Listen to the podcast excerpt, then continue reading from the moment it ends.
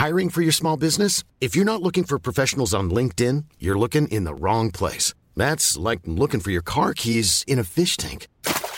LinkedIn helps you hire professionals you can't find anywhere else, even those who aren't actively searching for a new job but might be open to the perfect role. In a given month, over 70% of LinkedIn users don't even visit other leading job sites. So start looking in the right place. With LinkedIn, you can hire professionals like a professional. Post your free job on linkedin.com slash people today. Ryan Reynolds here from Mint Mobile. With the price of just about everything going up during inflation, we thought we'd bring our prices down. So to help us, we brought in a reverse auctioneer, which is apparently a thing. Mint Mobile unlimited premium wireless. Ready to get 30, 30, bit to get 30, bit to get 20, 20, 20, bit to get 20, 20, bit to get 15, 15, 15, 15 just 15 bucks a month. So, Give it a try at mintmobile.com slash switch. $45 upfront for three months plus taxes and fees. Promo rate for new customers for limited time. Unlimited more than 40 gigabytes per month. Slows. Full terms at mintmobile.com.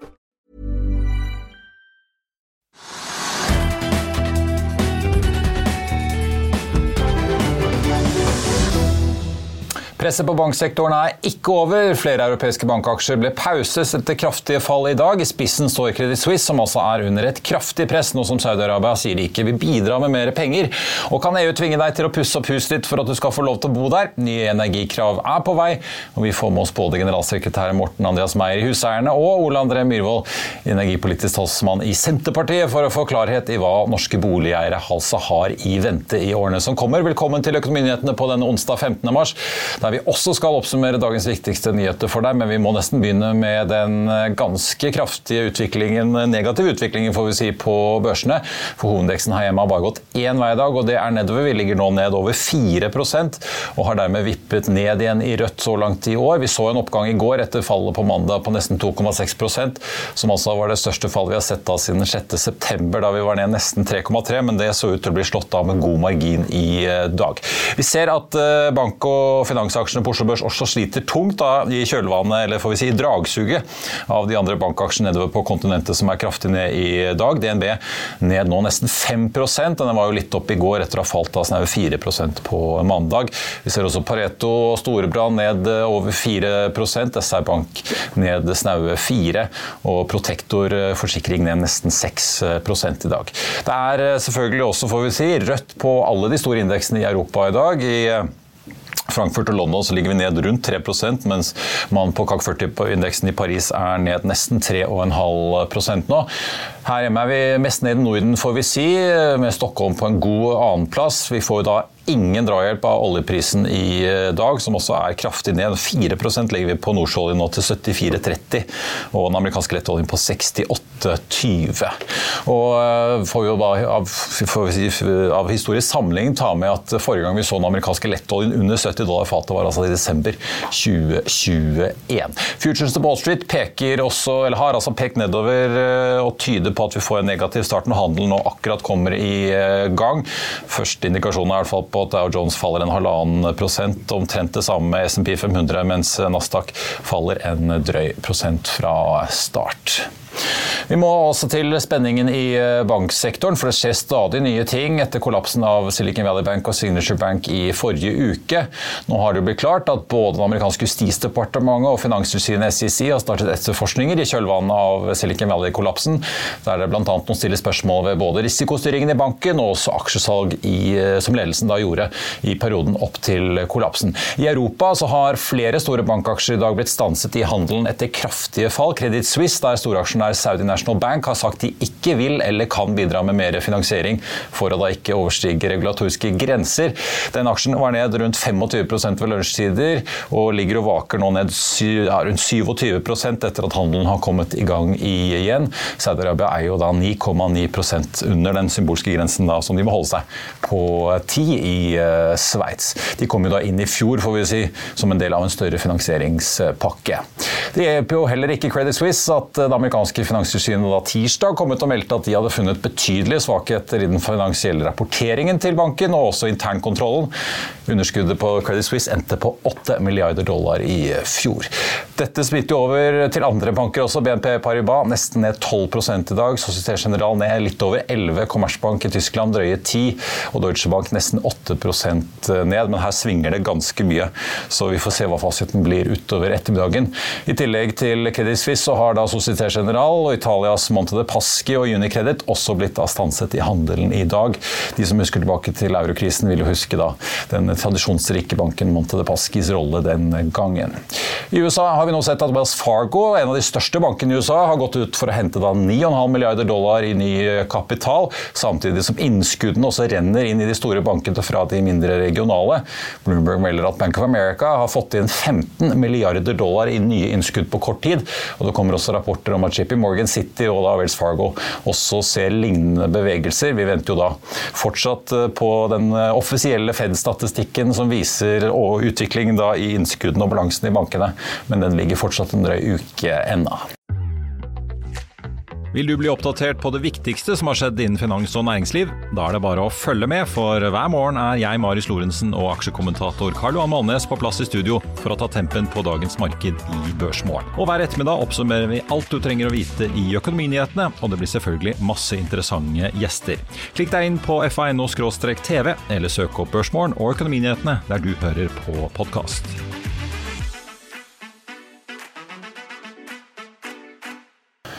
Nå må vi til ladebransjen, for Elsikkerhetsverket i Sverige har vedtatt et umiddelbart salgsforbud av Isis elbilladere. Stavanger-selskapet ute i store problemer, altså. Det er jo da positivt nytt for konkurrenten. Børsnoterte Saptek i får vi si, samme by. Den aksjen kraftig opp i dag, ligger nå opp en snaue 18% til litt over 34 kroner aksjen.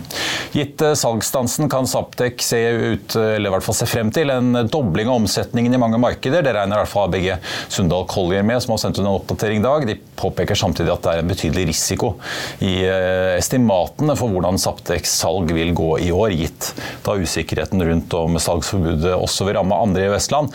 Nkom her hjemme, altså myndighetsorganet som har ansvaret for eh, elbilladere eh, her i Norge, har sagt at i utgangspunktet så gjelder da salgsforbud i ett EØS-land hele området. Nortel mobilselskapet opp 26 i dag, etter meldingen om at styret har valgt å starte en strategisk gjennomgang av virksomheten. Bakgrunnen er at de har fått henvendelser både fra norske og utenlandske aktører som er interessert i å kjøpe selskapet, ifølge børsmeldingen. Og de venter en avklaring i løpet av andre kvartal. Vi får ta med at Nortel eh, ligger og handler på en rundt 33 kroner aksjen. De kom jo inn på børs i november 2020 til en kurs på 1562 i emisjonen. Og Innen luftfart i dag så har det også skjedd eh, ting. Samferdselsminister Jon Ivar Nygård og finansminister Trygve Slagsvold Vedum annonserte i morges grep på anbudsrutene i distriktene, de såkalte FOT-rutene. Nå skal det bli inntil 50% billigere å fly på flere ruter langs kysten, lovet de to. Endringen trer i kraft 1.4 neste år, og prisendringen er da en del av anbudsprosessen som nå kjøres. Og så får vi også ta med at Oslo-Stord-ruten også blir tatt inn i FOT-systemet. Til slutt, nyboligsalgstallene fra boligprodusentene har kommet i dag for februar. De falt 31% i februar sammenlignet med februar i fjor. Salget de siste tre månedene er nå 48% under samme tremånedersperiode for ett år siden. Igangsettingen faller også mye, ned også da 48 og er dermed halvert sammenlignet med februar i fjor. Lars Jakob Him, som leder boligprodusentene, sier at han frykter ytterligere nedbemanninger i næringen hvis ikke utviklingen snart eh, snur. Vi må litt tilbake til de europeiske bankaksjene, altså med Credit Suisse i spissen. Her er hva aksjekommentator Karl Johan Målnes hadde å si om dramatikken litt tidligere i dag. Bare se her. Hva er det som skjer i markedet nå, Karl Johan? Det som skjer nå, er at eh, fem europeiske bankaksjer ble stoppet eh, i handelen eh, i dag, etter de hadde falt ganske mye. og Årsaken er at hovedinvestoren som skulle gå inn i emisjonen til Credit Suisse, sier at de ikke kan være med mer. Og Dette er jo en prosess som har pågått en stund. og Den store amerikanske eieren med Harris Associates, med Oakmark-fondene, som eide 10 har også solgt seg ut. Først ned til 5 og så ned til null. Så det er en prosess. Da. Så Credit Suisse-aksjen eh, er under press. Og da, hvis de ikke får inn penger, da, så eh, er det litt forskjellige alternativer som, som gjelder. Og det mest nærliggende er jo at eh, du får en tvangssammenslåing med UBS, som er en veldig stor sveitsisk bank som har blitt drevet mye bedre enn Credit Suisse de siste 15 årene. Da. Så Credit Suisse har vært litt på hæla og tatt litt for mye risiko på en del store ting, og klarer altså, har altså kommet langt bak UBS. UBS har fotfeste i Asia, Singapore og til dels også Kina, så det er mye bedre. Så det er den enkleste løsningen. Alternativet er at uh, hvis UBS ikke vil, så, må jo, så, så, vet jeg ikke helt. Da må de egentlig finne ut sjøl hva de har lyst til at de skal gjøre. Det er, ikke, det, det er deres problem. Men det, det, er klart, en bank, eh, en bank som Credit Suisse, som taper så mye penger som gjort, to euro i tap, det er liksom tapene per aksje er større enn liksom aksjekursen. Og den faller sånn som den har gjort, så er det ikke en god situasjon. Men eh, det er et veldig spesifikt spesifikt Credit Suisse-problem i utgangspunktet. Så kan vi si Den banken som ligner mest, det er Deutsche Bank, som er en bank for utlendinger, egentlig mye mer enn for tyskere. Og Jeg tror ikke det har egentlig så stor konsekvens eh, for eh, det norske bankvesenet. Det som, det som vi får eventuelt av problemer, det er fra eiendomssektoren, men det tror jeg vi klarer å ordne opp i sjøl. Men likevel, dette sprer seg jo da. Det er et større børsfall i dag, så det må jo handle om mer enn bare Credit Suisse? Jo, men det blir jo da presset til likviditet i hele systemet. Men det er jo ikke noe stort børsfall, dette her et par prosent. Det er jo eh, det, det, kommer nok til å bli mye verre senere i år når vi skal til å ta løs på de store problemene. Dette er bare begynnelsen på krisen. Da skal vi snakke om boliger og et EU-regelverk eh, som flere har snakket om både i dette studioet og andre steder en stund, men som nå blir stadig mer aktuelt, og som kan sende en sjokkregning til norske boligeiere. Det handler jo da om EUs nye bygningsdirektiv, som skal eh, tvinge boliger får vi si, oppover i energiklassesystemet for å bli mer effektive. Og Med oss for å snakke om dette har jeg fått besøk av Ole André Myhrvold, energipolitisk talsmann i Senterpartiet, og eh, Morten A. Meyer i Huseiernes. Heter det fortsatt Landsforbund, eller bare Huseierne nå? Merkevaren heter Huseierne, ja. I Brønnøysund står det huset. Gammel, ja, gammel vane. Men uh, Morten, uansett. Uh, I dagens avis uh, så snakker du om den sjokkregningen som norske boligeiere kan få her. Hva er dette direktivet egentlig? Ja, det som skjer nå, er jo et uttrykk for et uh, handlekraftig EU, uh, som gjennomfører lovendringer på løpende bånd for å innfri uh, utslippsmålet med 55 reduksjon i utslippene før 2030. Og EU mener alvor, er handlekraftige og gjennomfører endringer. Og bygningsenergidirektivet er en av de lovpakkene som ligger innenfor det såkalte Fit for 55, altså Green Deal, eh, og vil stille omfattende krav til alle de som eier eh, næringsbygg og boliger innenfor EU-området. Ja, for Det er jo full gass på å bygge ut fornybar. De snakker om å forenkle mye prosesser rundt det for å få fart på det, men også da grep åpenbart for at vi skal bruke mindre eller bli mer effektive. da. Det, det å bruke mindre energi i bygningsmassen er både i Norge og i resten av Europa helt nødvendig tiltak for å få klimautslippene ned, og for at eh, Europa skal nå eh, klimamålsettingene vi er forpliktet til å nå. Eh, og Det betyr jo at helt uavhengig av et EU-direktiv, så er dette også forhold som angår norske myndigheter og norske boligeiere. Og Utfordringen i Norge er jo at norske myndigheter så langt har brydd seg veldig lite om hva som skal til for at vi faktisk får energioppgradert bygnings- og boligmassen i Norge. Her er det ikke EU som er problemet, men en sendrektighet hos norske myndigheter til å sette i gang et helt nødvendig arbeid for å nå, eh, nå målene om energieffektivisering i bygningsmassen. Før jeg spiller ballen over til André på den, eh, bare så vidt ta det, for vi har jo snakket om, og vi vet jo at næringsbygg, eh, der kommer det jo veldig strenge krav, som, men de er på en måte profesjonelt drevet. Der er det jo gårdeiere som leier ut, så det er jo et helt annet på en måte nivå i det arbeidet enn privatboliger. Og så vet vi jo selvfølgelig om nyboliger, der kommer det jo stadig strenge krav, og det har det jo vært lenge. Men er det sånn at bare for å få lov til å bo i det huset jeg eier, eller leiligheten jeg eier, så må jeg faktisk også ta grep? En oppfølging av EU-direktivet slik det fremstår etter parlamentsbehandlingen i går, innebærer at en veldig stor del av den europeiske bygningsmassen, og også den norske boligmassen, i løpet av de 10-15-20 neste årene må kraftig oppgraderes. Eh, boliger som er bygget eh, etter krigen og frem mot 1990 år 2000, eh, må gjennom en renovering for å tilfredsstille energikravene som vi må, må nå for å innfri utslippskravene. Eh, og det innebærer eh, at vi som boligeiere, sammen med myndigheter og sammen med bankene, må legge opp til en renoveringsplan over 5-10-15 år, litt avhengig av hvordan husholdningsøkonomien ser ut, som innebærer eh, over tid utskifting av vinduer, utskifting av dører, ny kledning, etterisolering, isolering av tak og loft, og kanskje noen grunnmursmatter rundt, rundt grunnmuren i tillegg. Sendrektighet? Ja, det er jo sånn at Stortinget i 2016 var det vel, vedtok et eh, mål om eh, å spare 10 TWh i bygg. Eh, og Det må vi nok si at det har gått altfor sakte. Eh, men regjeringa la jo fram en strategi på det i statsbudsjettet i høst. Og så er man i gang med å sette i gang en tiltak. Senest nå 1.3 så fikk Enova eh, i oppdrag å se på hvordan de kan ta inn i, eh, i sin portefølje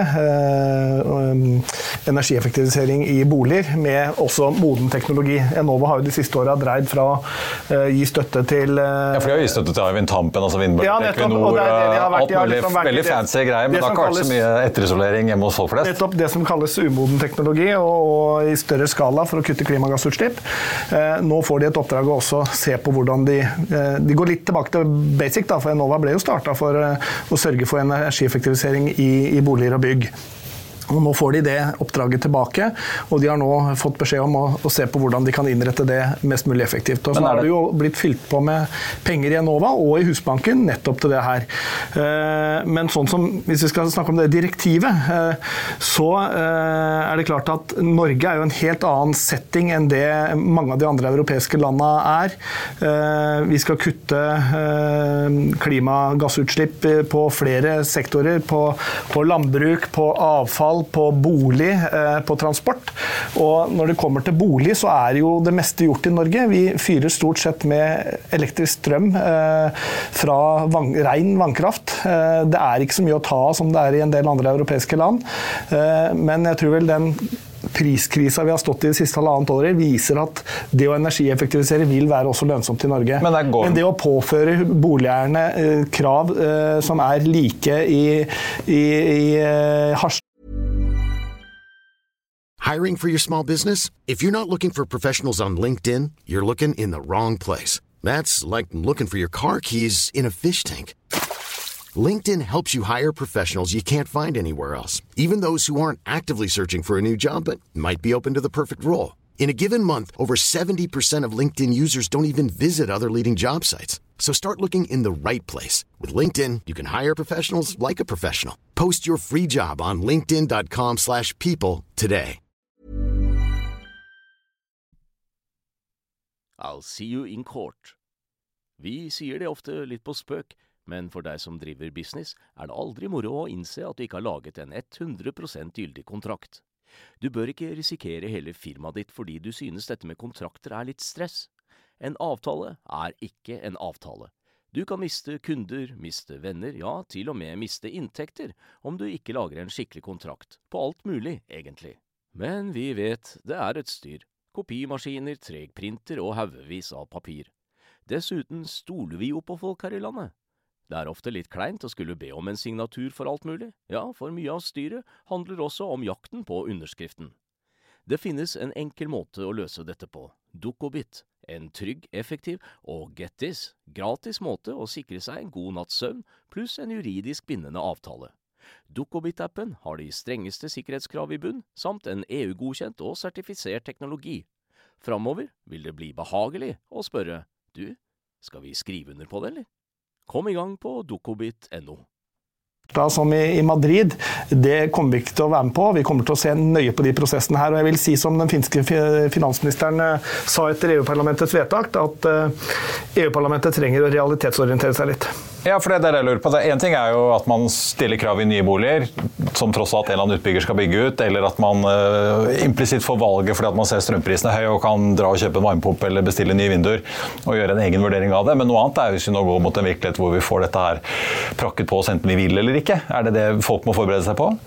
Folk må nok forberede seg på at de trenger å energieffektivisere, eh, men så må vi finne eh, løsninger som er tilpassa norske forhold. Og vi må jo sørge for at huseiere også i, i, Lofoten sitter igjen med verdier i boligen sin også etter at de har energieffektivisert. Og vi vet jo det at huseierne har vel beregna at man må oppgradere for mellom en halv million og til halvannen million kroner. Og, og, det er jo ikke verdier du får igjen når du selger boligen f.eks. i, i Svolvær. For meg, jeg har hørt folk, takstmenn og folk som på en måte ser på næring, hvor de sier at det kan være næringsbygg som bare Du klarer ikke å regne det hjem, for at du får ikke betalt en høy nok leie for å betale for dette her. Hva skjer med da privatboligmarkedet? Men, men først, la, la, meg bare si, Vår viktigste kritikk er jo rettet mot at norske myndigheter ikke har vist interesse for dette området tidligere. Dette er prosesser som har gått i EU, og helt uavhengig av hvordan vi forholder oss til det direktivet, så, så har altså Stortinget og regjeringen forpliktet seg til å gjennomføre tiltak som frigjør eh, fornybar energi i den norske bolig- og bygningsmassen hvert 10 TWh. Eh, og det er det helt umulig å få til uten å gå inn på den type rehabilitering av den eldre delen av boligmassen. Og Vårt, vårt, viktigste, uh, vårt, viktigste, engasjement nå er jo knyttet til hvordan skal offentlige myndigheter bidra til å sikre norske boligeiere faktisk mulighet til å gjennomføre dette, uavhengig om du bor i by eller, på, uh, eller, i, eller i distriktet. Og så ser vi at utfordringene i distriktene vil være størst, hvor tilskudds- og, og, tiltaksordningene må være aller, aller viktigst, og hvor Husbanken uh, kan spille en, en viktig rolle. Jeg, og her tror vi ikke, skjønner jeg, men, men, er det sånn at eh, her kommer uh, privatboliger på en måte til å bli verdiløse? Fordi du, du får ikke solgt dem hvis ikke du tar en kjemperegning på oppgradering som du ikke kan regne igjen? Jeg tror... Uh, jeg tror vi som eier bolig vil ha over tid en sterk interesse selv av å gjøre denne type energioppgradering. Eh, det er et bidrag til å heve boligverdien, det er et viktig bidrag til å redusere energikostnadene løpende, og det er et bidrag til å være med å løse den klima- og energikrisen vi alle har et ansvar for å løse. Men derfor er vi så opptatt av at dette gjøres eh, planmessig i et samarbeid mellom myndigheter, boligeiere og finansinstitusjoner som gjør det mulig for folk med vanlig bolig jobber med vanlige inntekter og gjennomføre over tid den oppgraderingen. Og så er det viktig at norske myndigheter engasjerer seg i dette arbeidet som pågår i EU. Og, og arbeide med å finne de tilpasningene i dette, dette direktivet som faktisk, eh, faktisk hører hjemme i, i, i, den norske virkeligheten. Og her har norske myndigheter vært totalt fraværende. Her kjører EU-toget i full fart, mens norske myndigheter knapt har brydd seg om hva er det som skal til for å drive den nødvendige energieffektiviseringen i Norge. Og det skal langt mer til enn en, en støtte til varmepumper og solceller fra Enova. Her snakker vi om å skifte ut vinduer, dører, isolasjon og etterisolering, ny, ny, kledning. Så, så, så, du må ha helt andre, du må ha helt andre tilskuddsordninger og motivasjonsordninger. Vi har foreslått uh, at du for en periode fremover uh, fjerner momsen på vinduer, dører, isolasjonsmateriell. At du tenker gjennom hvordan du kan gi skattefradrag for håndverkerutgifter til å gjøre denne energioppgraderingen, for å faktisk gjøre det mulig for norske boligeiere å både bidra i eh, klimakampen og, og, i energiomleggingen, og sørge for eh, at boligen blir mer verdt og energikostnadene går ned. Milvold, nå det jo, blir det jo krav fra 2030 om at nye bygg skal ha nullutslipp. Fra 2033 så må jo da eksisterende bygg opp til en viss energiklassegrad. Eh, opp til det. Eh, vi har ti år på oss, da. Ja, vi har ti år på oss. Hva er det liksom folk da må, kan forvente? For du sier dere vil ikke akseptere hva som helst fra Dixie, men vil dere også på en måte komme med enten momsfradrag eller er det Nova som skal brukes for å faktisk gjøre dette? For hvis man skal nå disse målene, kan man ikke begynne i 2028 å installere varmepumper? primært så har, vi, har regjeringa sagt at man skal bruke Enova og Husbanken til, uh, som redskap. Og så uh, må vi jo hele tida se på uh, behovet og, og, farten i det her. og så hører jeg huseierne foreslå bl.a. et momsfradrag. og Det er ting vi tar med oss inn i de neste budsjettrundene. Og så veit alle åssen statsbudsjettet har vært nå. Det er ikke veldig mye plass i de i årene? Det er ikke veldig mye plass i de. Men, men, la meg, men la meg ta et ja. eksempel. Uh, Se den vellykkede norske elbilpolitikken. Vi har rullet ut elbiler i et tempo som ingen trodde var mulig. Hva har vært nøkkelen til det? Jo, vi ga momsfritak i en tidsbegrenset periode. Men det har ikke vært gratis? Nei, men, men det, det, er det jo mulig å tenke seg en utfasing av dit vi er kommet nå. Og så flytter du de pengene over på en tilsvarende motivasjonsordning for å få i gang en renoveringsbølge på Problemet hans er at han har vel ikke så mange milliarder å bruke i statsbudsjettene fremover som man hadde på 2010-tallet?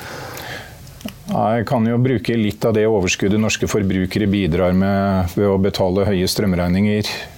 Ja i, i år og i år. Det er jo stor, altså, enten, enten, privatpersoner tar den regningen, eller det offentlige, eller en kombinasjon av de to, så er det jo Det, er, det blir jo betydelig milliardbeløp hvis hele den norske boligmassen skal løftes opp. Absolutt. Alle disse nivåene. Eh, og, det kan godt hende at vi skal veksle noe inn i, i noe annet, som, eh, som, det ble sagt her. Eh, så jeg skal ikke utelukke noe, jeg, fram mot 2033. Men det vi er nødt til, er å, å få en tilpassing til den norske boligmassen, som er i en litt annen eh, hva skal man si, standard enn en resten av den europeiske. Jeg synes vi, eh, vi kan sammenligne oss ganske godt med, med, Finland. Det er et land som ligner oss på mange måter.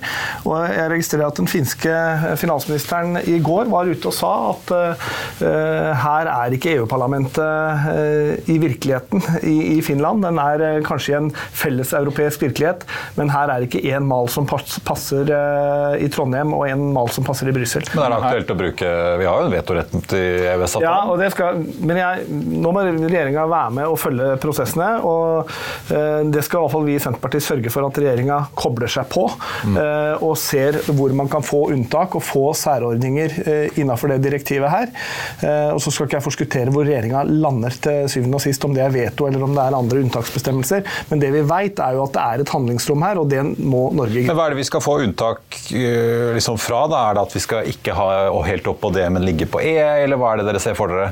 Ja, det kan for Jeg skal ikke si hva vi skal ha unntak på heller, det må vi gå inn og se på. Eh, og det kan jo også variere eh, på ulike steder i landet. Men det jeg er litt opptatt av her, er jo at det ruller og går EU-direktiver, vi snakka litt om det før sending her også, at, eh, som gjør at norske huseiere kommer til å sitte igjen med store regninger. og Vi må se helheten i det her. Vi kan ikke sende alle regninger, enten det er for avløpsdirektivet eller energimarkedsdirektivet eller skrantende kommuneøkonomi, over til boligeierne.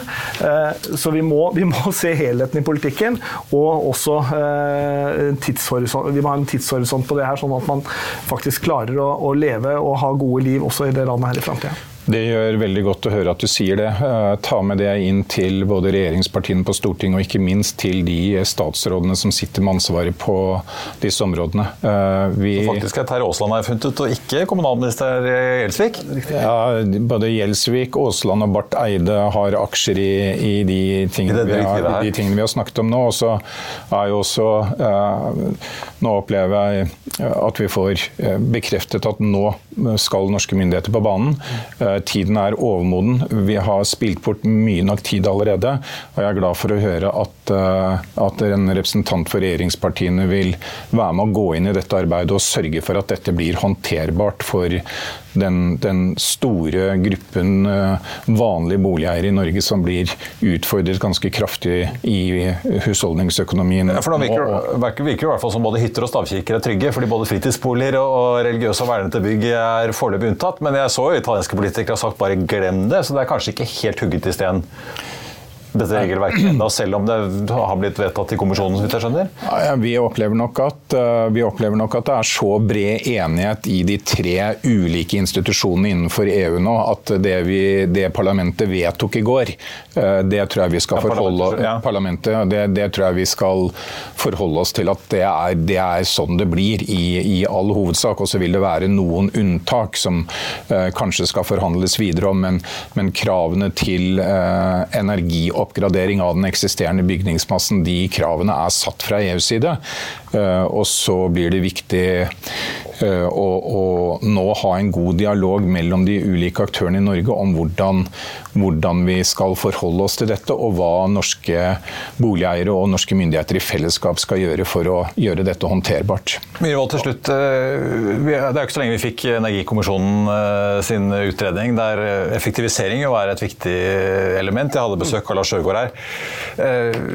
Som vi var inne på, Equinor har fått støtte til Hywind Tampen, industrien for CO2-kompensasjon, eh, energi altså det å Vi skal, faktisk investere i norske hus. vi skal subsidiere batterifabrikker. Det skal vi også tydeligvis gjøre, i hvert fall hvis det skal bli noe i Mo i Rana. Hvordan ser dere på kalkylen sett fra politikernes hold å bruke penger på industrien, eh, Hywind Tampen versus det å Dere kan jo bruke de samme budsjettkronene på å da gi de husholdningene som kan oppgradere og energieffektivisere seg selv? Ja, som sagt, Vi har sagt en helt klar, satt en helt klar retning på det. Enova skal bidra også på det som er lavthengende teknologi, enten det er varmepumper eller andre form for energieffektiviseringer av bygg. Men er det laveste Det får- tiltakskost som vinner, uavhengig om det er private husholdninger eller bedrifter? Eller blir man så fokusert fordi NHO og andre har gode lobbyister at det er mer stas med vindmøller og Nei. industrianlegg som eh, skal Nei, vi, må jo gjøre begge, vi må jo gjøre begge deler i framtida. For vi skal omstille industrien, men vi må også omstille i husholdningene. Og det tror jeg uavhengig av hva EU mener om det her, så er vi nødt til å, å husholdere bedre med energien vår i Norge. For vi har, vi har ikke vært gode nok på det, og det tror jeg den priskrisa vi har stått i det siste halvannet året, og utsiktene mot at vi går mot et kraftunderskudd fra 2027, gjør at vi er nødt til å bruke energien og strømmen vår enda lurere i framtida enn det vi har gjort til nå. Olav Remi Myhrvold i Senterpartiet og Morten Ameier i Huseierne, takk for at dere kom. Så får vi dra på seminar til Danmark alle sammen for å lære å skru av lyset. Vi følger jo med ikke bare på energikrav fra EU, men også på de store utslagene i markedene i dag. Hovedindeksen på Oslo Børs nå ned 3,9% så ser det ut til at vi får den verste dagen på ganske så lenge. Ned på 1158 poeng nå. I et marked der det også er rødt jevnt over på alle de store indeksene i Europa i dag. Vi ser også Wall Street har startet rett ned etter den oppgangen vi så i går, der det bl.a. ble et ganske solid tech-drevet løft med alle de tre store indeksene i pluss. I dag ligger Dow Jones ned 1,7 nå, SMP 500 ned 1,6% Nasdaq Composite ned 1,2% Så må vi også da svinge innom disse bankaksjene. DNB sliter fortsatt med en nedgang på 4,5 i dag. Børsens største aksje, Equinor, ned 5,4% på en oljepris som også er under kraftig press i dag.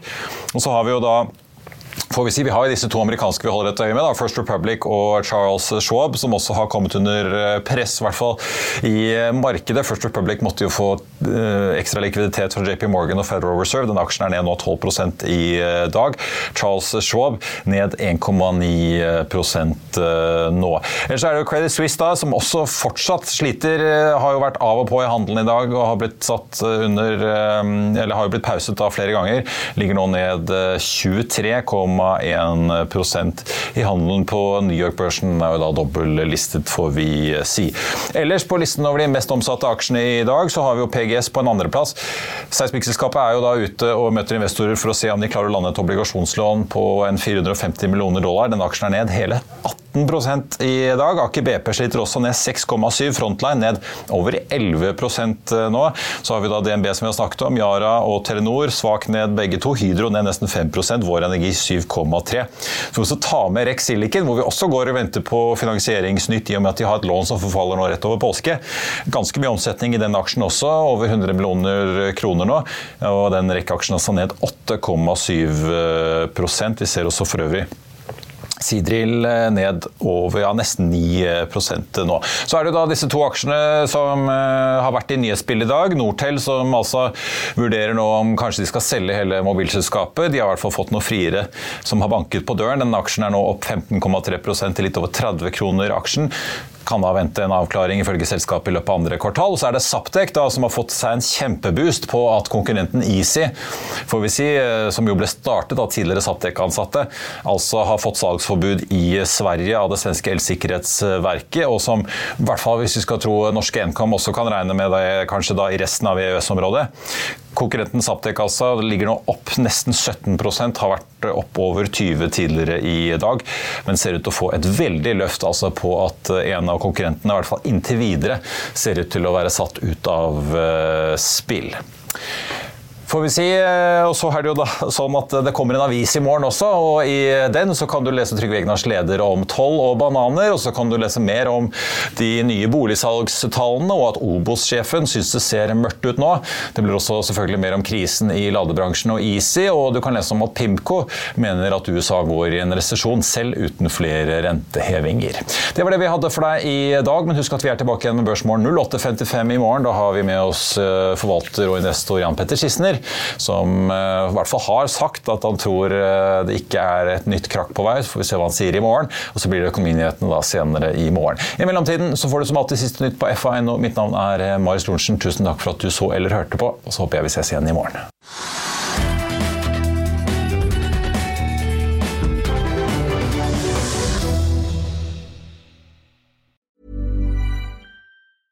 Normally, being a little extra might be a bit much, but not when it comes to healthcare. That's why United Healthcare's Health Protector Guard fixed indemnity insurance plans, underwritten by Golden Rule Insurance Company, supplement your primary plan so you manage out of pocket costs. Learn more at uh1.com. Hey, it's Danny Pellegrino from Everything Iconic.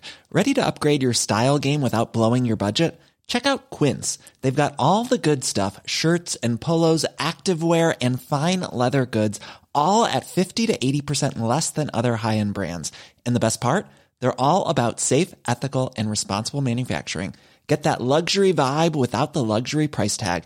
Hit up quince.com slash upgrade for free shipping and 365-day returns on your next order. That's quince.com slash upgrade. When you need mealtime inspiration, it's worth shopping Kroger, where you'll find over 30,000 mouthwatering choices that excite your inner foodie. And no matter what tasty choice you make, you'll enjoy our everyday low prices, plus extra ways to save, like digital coupons worth over $600 each week. You can also save up to $1 off per gallon at the pump with fuel points. More savings and more inspiring flavors make shopping Kroger worth it every time. Kroger, fresh for everyone. Fuel restrictions apply.